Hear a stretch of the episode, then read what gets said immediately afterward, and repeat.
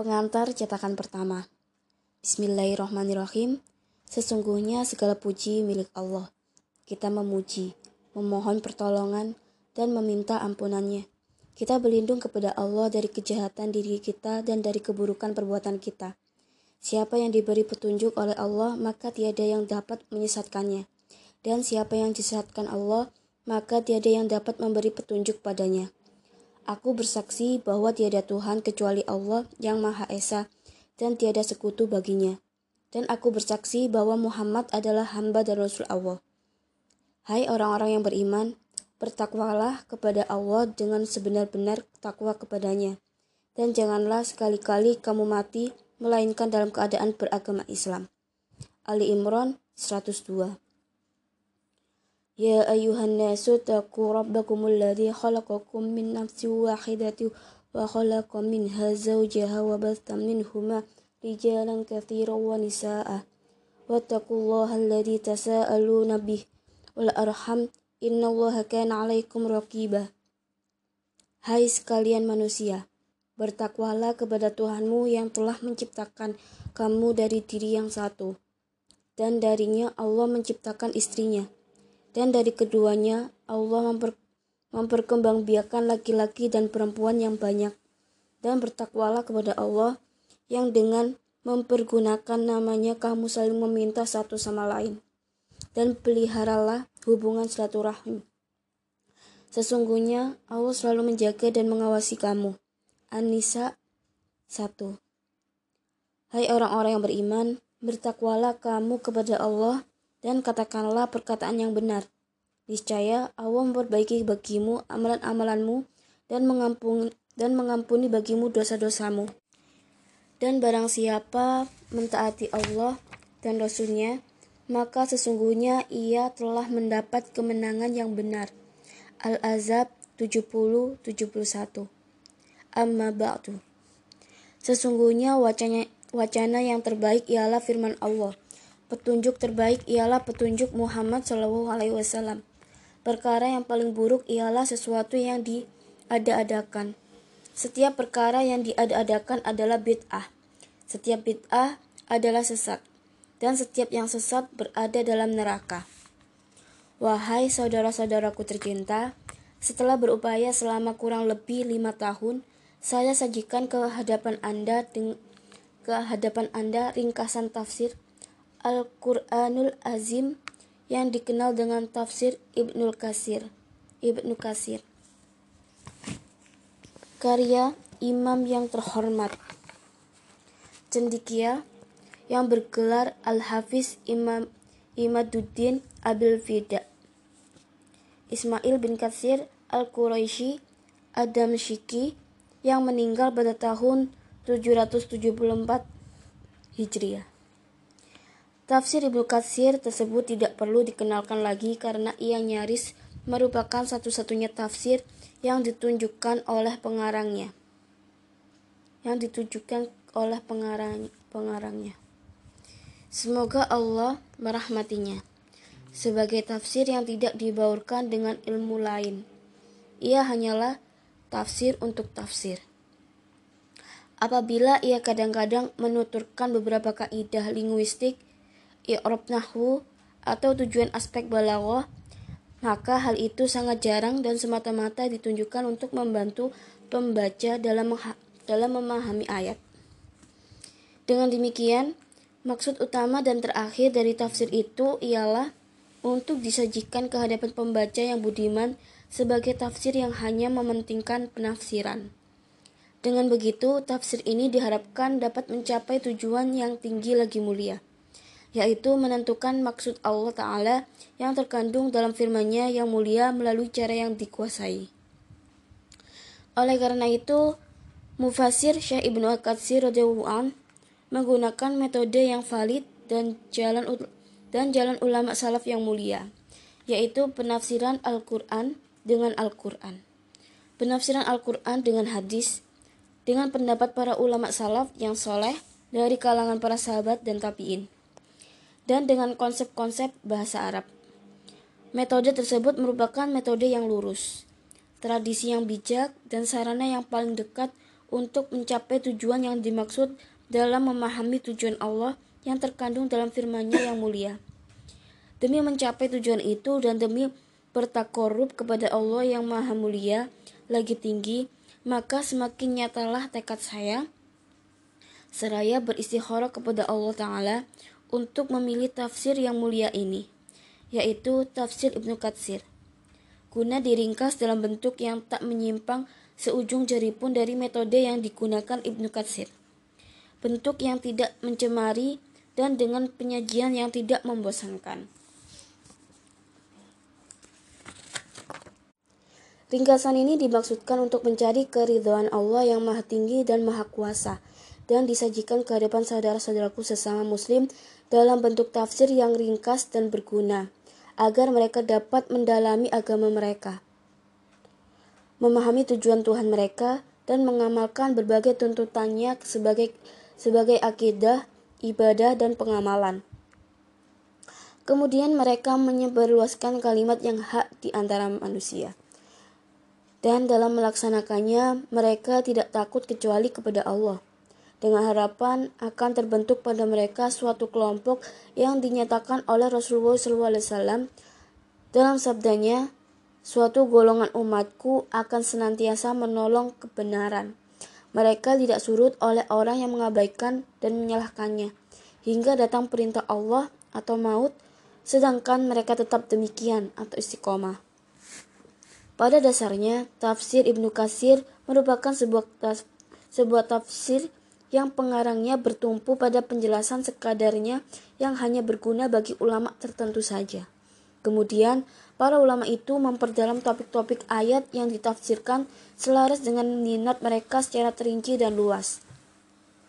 Penjelasan sekadarnya itu dimaksudkan agar ulama memperdalam pokok-pokok ilmu tafsir selaras dengan kompetensi naluri keilmuan dan pemahamannya dalam dalam membahas hal-hal yang kompleks menjadi sederhana dan yang sulit menjadi terurai dan gamblang.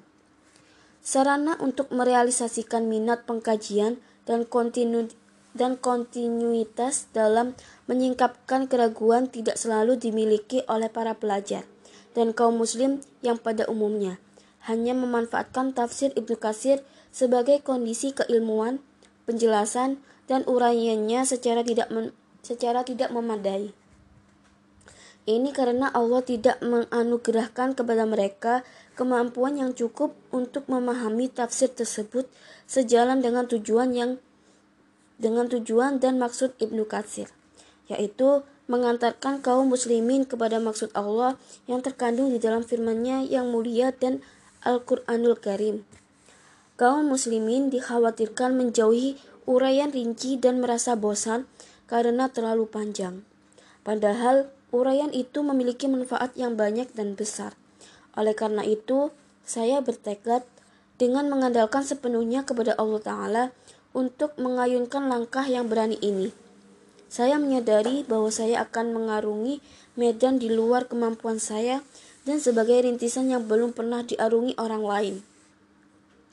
Andaikan saya tidak berpegang teguh kepada Allah yang Maha Esa, tidak didorong oleh hasrat yang kuat dan niat yang terencana untuk mengambil manfaat dari kitab Allah dan tidak dan tidak mendapat petunjuk dari sumbernya yang kaya, niscaya saya tak akan sanggup melakukannya. Setiap kali saya merasa ragu-ragu dan miris, maka muncullah seruan dari hati yang dalam supaya saya maju. Saya mengharap dari Allah berupa petunjuk, bantuan, perlindungan, dan bimbingan, lalu saya pun maju selangkah demi selangkah. Saya sampaikan langkah saya ini kepada orang yang saya percayai pengetahuan dan nasihatnya. Maka maka yang saya terima dari mereka adalah dorongan, tuntunan, dan desakan agar terus maju. Allah lah yang memberi taufik kepada kebenaran baik baik yang menyangkut sarana, tujuan, permulaan, maupun hasil akhir. Setiap kali saya meringkas sejumlah ayat, maka saya mengajarkannya kepada saudara-saudara saya yang lebih tua, menyampaikannya dalam halakoh mereka, dan membacakannya kepada mereka pada setiap kajian sambil mengamati dampaknya terhadap diri terhadap diri mereka dan penerapannya dalam kehidupan pribadi maupun masyarakat. Pengkajian itu disertai ulasan-ulasan yang saya anggap perlu guna menjelaskan masalah yang harus dijelaskan. Saya mengharapkan kepada Allah kiranya dia menetapkan manfaat pada ayat-ayat al-zikrul hakim yang mereka dengar dan terapkan. Saya melakukan peringkasan selama beberapa waktu. Di sela-sela pekerjaan itu, saya membacakan kepada mereka beberapa kitab klasik lainnya mengenai tauhid, ayat-ayat hukum, sejarah Islam, kitab kitab hadis dan fikih sunnah.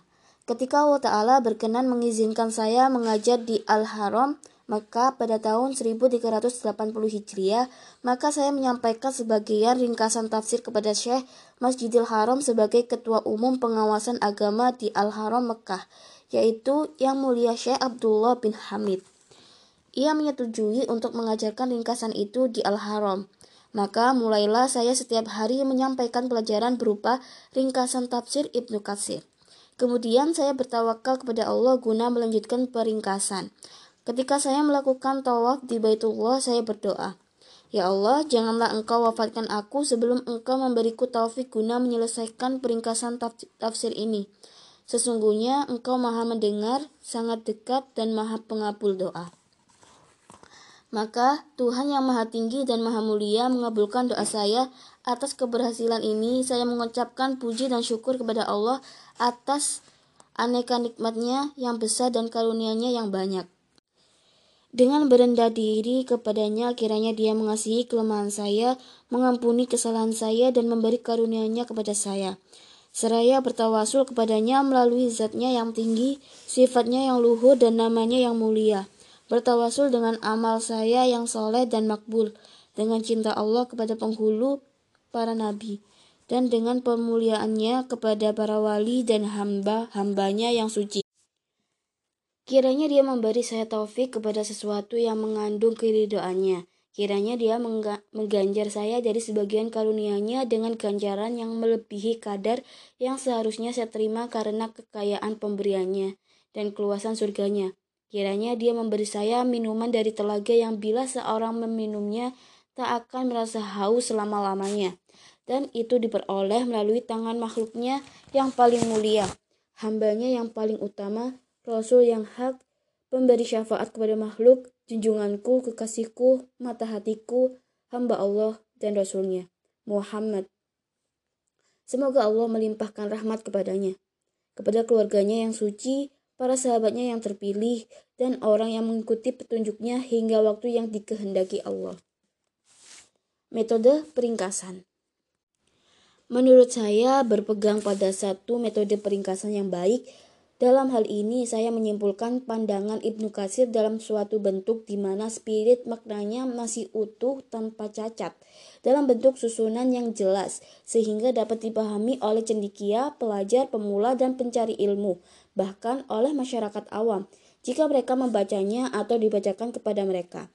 Hal itu karena saya berpegang pada cara Ibnu Katsir dalam menafsirkan termasuk pada penyerupaan atau tasbih atau istiaroh, sindiran atau kinayah, dan sinonim yang menyangkut makna dan kata. Maka saya menganggap cukup dengan hal-hal yang memang sudah memadai. Kemudian saya bertumpu pada hadis-hadis. Dalam hal ini saya cukup dengan menyebutkan perawi dan sahabat. Misalnya saya mengatakan Al-Bukhari meriwayatkan dari Abu Hurairah. Selain itu, saya menganggap cukup hadis-hadis yang disajikan yang disajikan oleh Ibnu Katsir dalam satu topik dengan satu atau dua hadis yang diriwayatkan oleh Bukhari Muslim atau oleh salah satunya atau hadis yang diriwayatkan oleh para penulis sunan dan sahih yang telah disahkan daripada memet, daripada memenuhi halaman dengan hadis doif dan palsu. Dalam penentuan hadis, pertama-tama saya berpegang pada hadis yang dipegang kesohiannya oleh Ibnu Katsir sendiri. Kemudian berpegang pada hadis yang sudah saya ketahui kesohiannya, namun tidak disebutkan oleh Ibnu Katsir.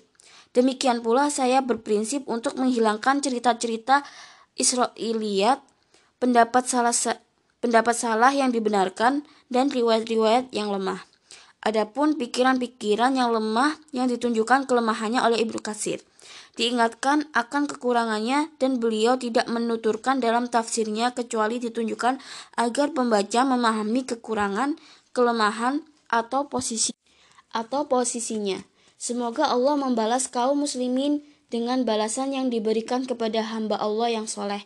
Maka saya sama sekali tidak menyebutkannya demi keringkasan yang saya jadikan sebagai cara dan metode juga karena saya mengetahui bahwa ketidaktahuan tentang pikiran yang lemah itu lebih baik daripada mengetahuinya. Dengan demikian, berarti saya sudah mewujudkan tujuan Ibnu Kasir, yakni agar pembaca tidak meyakininya dan mengamalkannya. Karena sesuatu yang tidak diketahui oleh seseorang tidak boleh diamalkan. Kadang-kadang saya terpaksa mengutip ungkapan Ibnu Kasir secara utuh tanpa meringkasnya.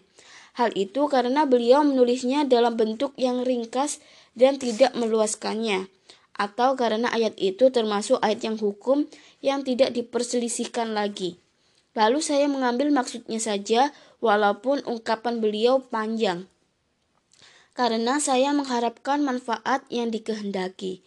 Terkadang faedah itu tidak dapat diperoleh melalui ringkasan apa pun, betapapun luas dan panjang.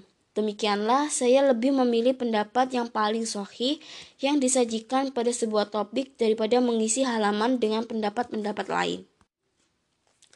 Saya pun menulis beberapa ulasan di bagian catatan kaki pada beberapa hal yang saya pandang perlu untuk diberi komentar sebagai kritik penguat atau pembenaran, terutama terhadap masalah-masalah dan kondisi terdahulu yang sebaiknya dijelaskan.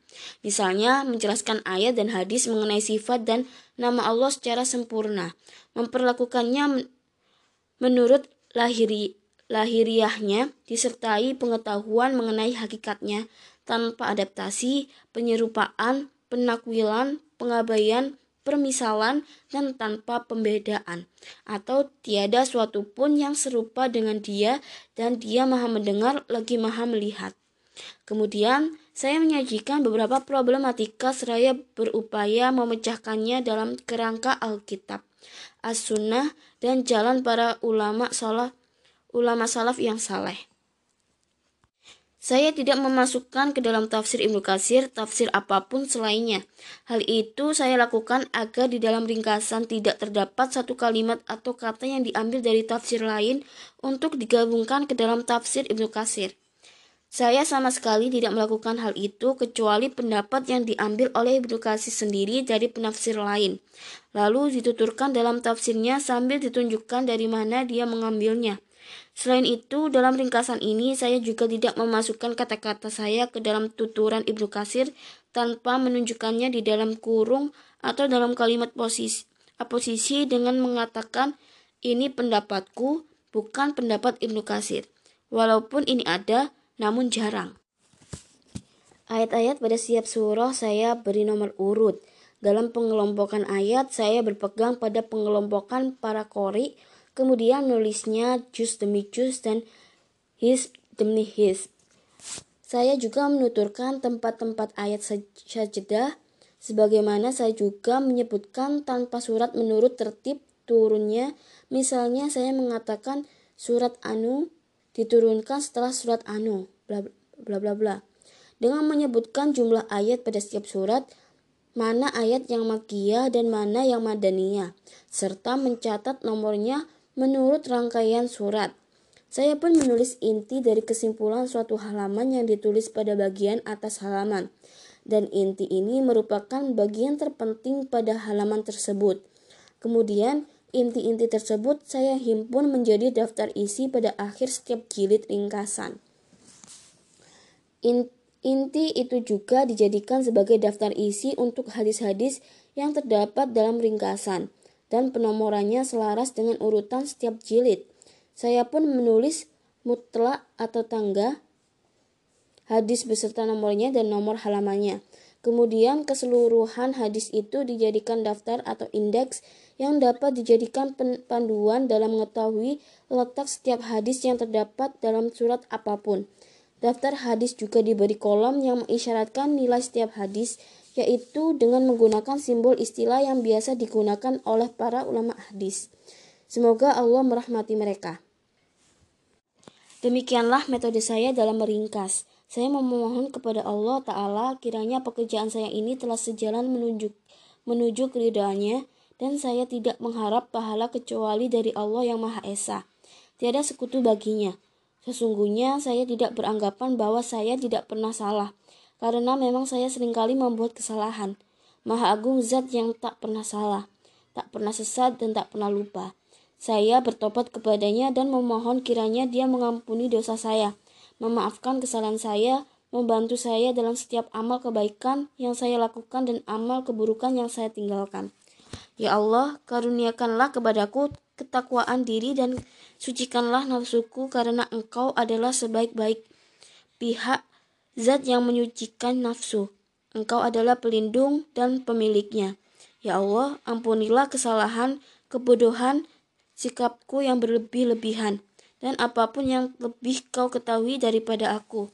Ya Allah, ampunilah kesalahan, kesengajaan, gurauan ucapanku, kesungguhan, dan semuanya itu ada pada diriku. Ya Allah, ampunilah apa yang aku dahulukan dan yang aku akhirkan, apa yang kusembunyikan dan yang kutampakkan. Engkaulah adalah yang terdahulu, yang terakhir. Engkau maha kuasa atas segala sesuatu. Tidak ada Tuhan melainkan Engkau, dan tiada Rob selain Engkau.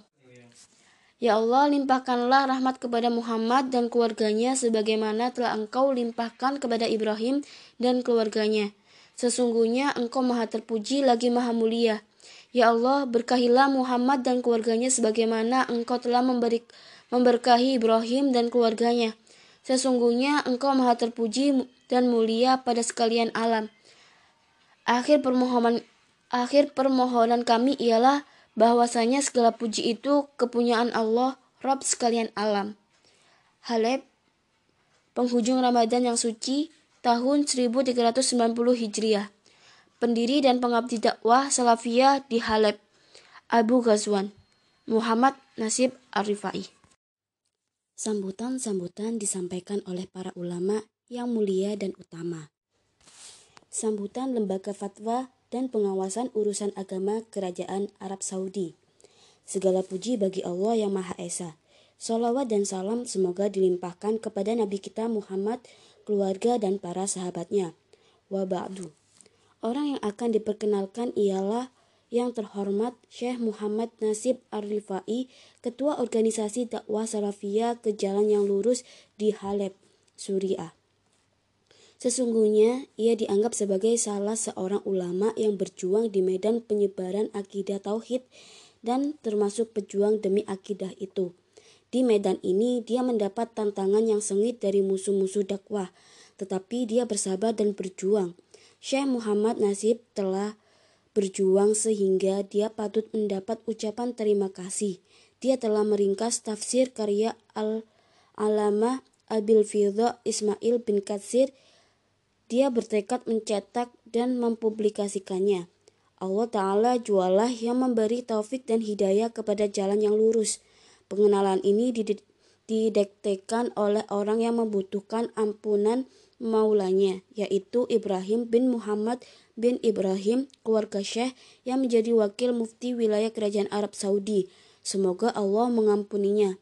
15, 12, 13, 1300 90 Hijriah. Wassalam. Sambutan Al-Alamah Syekh Abdul Aziz bin Baz, Rektor Universitas Islam di Madinah. Segala puji bagi Allah yang Maha Esa, solawat dan salam kepada orang yang tiada lagi Nabi sesudahnya pada keluarga dan sahabat-sahabatnya. Amma ba'du. Saudara Al-Alamah Syekh Muhammad Nasib Ar-Rifai telah memperlihatkan kepada saya Karyanya berupa ringkasan tafsir Al-Hafiz bin Katsir radhiyallahu an. Saya membaca beberapa bagian dan saya menemukan karya itu sebagai ringkasan yang bagus yang berisi tujuan-tujuan penafsiran yang dituturkan oleh Al-Hafiz.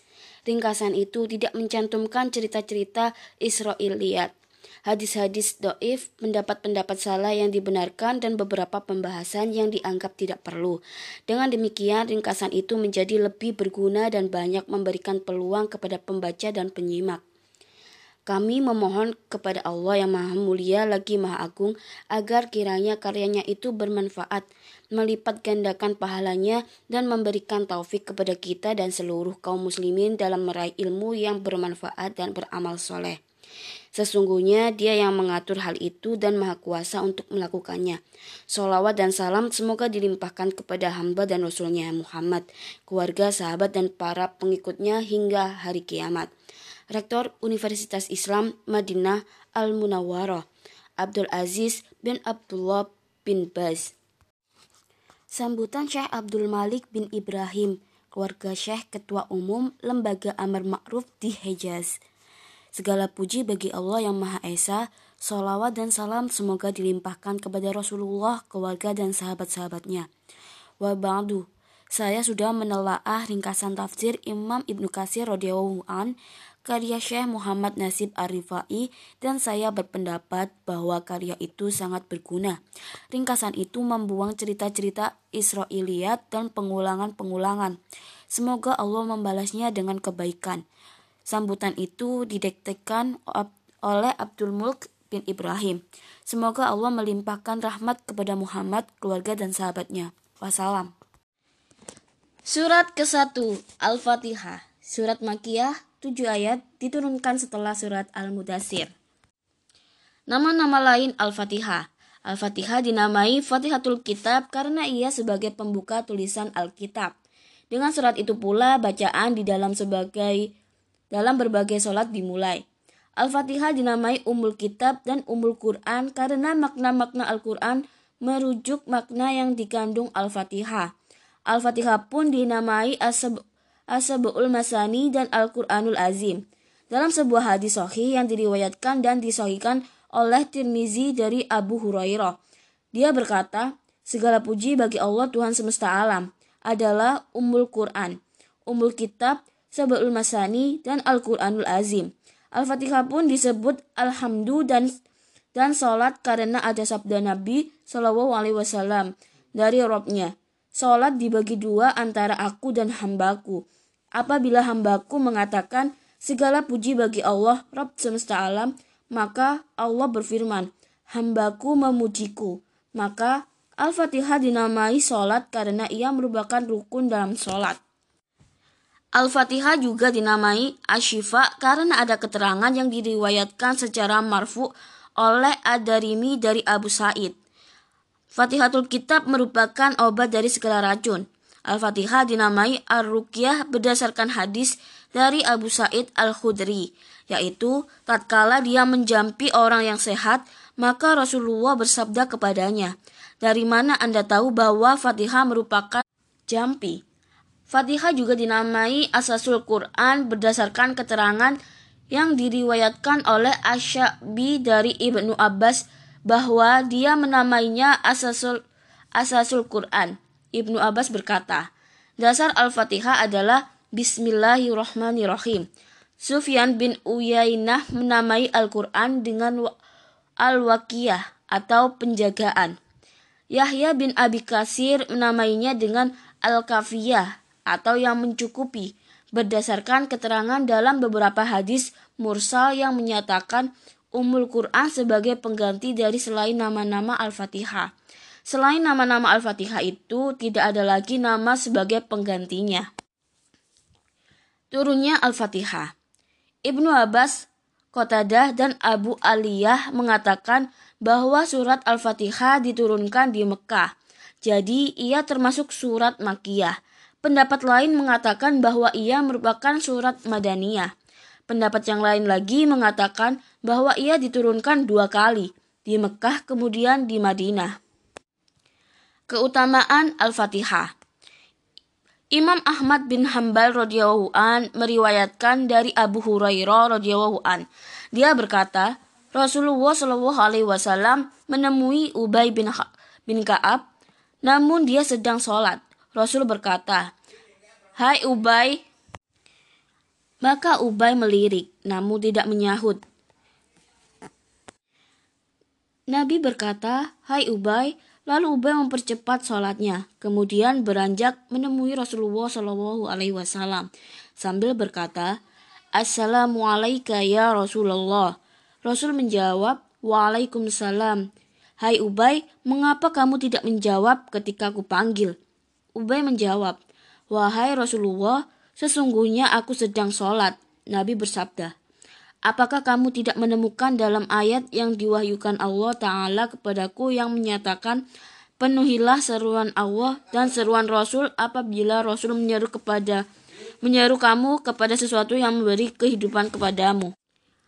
Al-Anfal 24 Ubay menjawab, Ya Rasulullah, saya menemukan dan saya tidak akan mengulangi hal itu. Rasul bersabda, Sukakah kamu bila kuajari sebuah surat yang tidak diturunkan surat lain yang serupa dengannya di dalam Taurat, Injil, Zabur, dan Al-Furqan? Ubay menjawab, Saya suka wahai Rasulullah.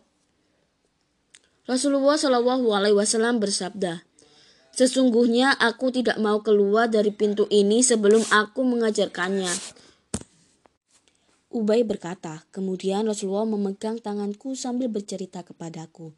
Saya memperlambat jalan karena khawatir beliau akan sampai di pintu sebelum menun menuntaskan pembicaraannya. Ketika kami sudah mendekati pintu, aku berkata, Ya Rasulullah, surat apakah yang engkau janjikan itu? Beliau bertanya, apa yang kamu apa yang kamu baca dalam sholat? Ubay berkata, maka aku membacakan umul Quran kepada beliau. Beliau bersabda, Demi yang jiwaku dalam genggamannya, Allah tidak tidak menurunkan surat yang setara dengan itu baik dalam Taurat, Injil, Zabur maupun Al-Furqan. Ia merupakan tujuh ayat yang dibaca berulang-ulang. At-Tirmizi meriwayatkan pula hadis tersebut. Menurut riwayatnya, Innaha sab'ul mathani wal Qur'anul azimul ladhi u'tituhu. Rawahul At-Tirmidzi. Sesungguhnya Fatihah itu sebagai tujuh ayat yang dibaca berulang-ulang dan sebagai Al-Quran yang mulia yang diberikan kepadaku. Hadis riwayat At-Tirmizi. Menurut At-Tirmizi, hadis ini Hasan dan Sahih. Kita dapati hadis lain tentang keutamaan surat Al-Fatihah. Muslim meriwayatkan dalam sahihnya dan Nasai meriwayatkan dalam sunannya dengan sanad dari Ibnu Abbas. Dia berkata, Suatu ketika Rasulullah Shallallahu Alaihi Wasallam sedang duduk dan di sisinya ada Jibril. Tiba-tiba Jibril mendengar suara dari atas. Maka dia mengarahkan pandangannya ke langit lalu berkata, Inilah pintu langit dibukakan, padahal sebelumnya tidak pernah. Ibnu Abbas berkata, dari pintu itu turun malaikat. Dia menemani Nabi Shallallahu Alaihi Wasallam seraya berkata, Gembirakanlah umatmu dengan dua cahaya. Sungguh keduanya diberikan kepadamu dan tidak pernah diberikan kepada seorang nabi pun sebelummu, yaitu Fatihatul Kitab dan beberapa ayat terakhir surat Al-Baqarah. Tidakkah Tidaklah Anda membaca satu huruf pun darinya, melainkan Anda akan diberi pahalanya. Lafaz lafaz dari lafaz hadis ini dari An-Nasai, dari Muslim pun lafaznya sama juga didukung oleh hadis lain. Muslim meriwayatkan dari Abu Hurairah radhiyallahu an dari Nabi dari Nabi Shallallahu alaihi wasallam. Beliau bersabda, Barang siapa yang mendirikan sholat tanpa membaca umul Quran, maka sholatnya tidak sempurna. Beliau mengatakan hal itu tiga kali. Kemudian kata Abu Hurairah, kami tengah sholat di belakang imam. Kami katakan kepada yang lain, bacalah Al-Fatihah dalam hatimu, karena sesungguhnya aku mendengar Rasulullah SAW bersabda. Allah Ta'ala berfirman, Sholat dibagi dua antara aku dan hambaku. Bagi hambaku ialah apa yang dia pinta. Bila seorang hamba mengatakan segala puji bagi Allah Rabb semesta alam, maka Allah berfirman, hambaku memujiku. Bila hamba mengatakan yang maha pengasih lagi maha penyayang, maka Allah berfirman, hambaku menyanjungku. Apabila dia berkata yang menguasai hari pembalasan, maka Allah berfirman, hambaku memuliakanku. Atau kali lain dia berfirman, hambaku berserah diri kepadaku. Apabila dia berkata, hanya kepada engkaulah kami beribadah dan hanya kepada engkaulah kami memohon pertolongan. Maka Allah berfirman, Bacaan itu menyangkut aku dan hambaku. Bagi hambaku adalah apa yang dia minta. Apabila dia berkata, tunjukkanlah kami kepada jalan yang lurus, yaitu jalan orang-orang yang telah engkau anugerahkan nikmat kepada mereka. bukan jalan mereka yang dimurkai dan bukan pula jalan mereka yang sesat. Maka Allah berfirman, pahala ayat ini untuk hambaku dan bagi hambaku pula apa yang dia minta. Demikian pula hadis yang diriwayatkan oleh An-Nasai.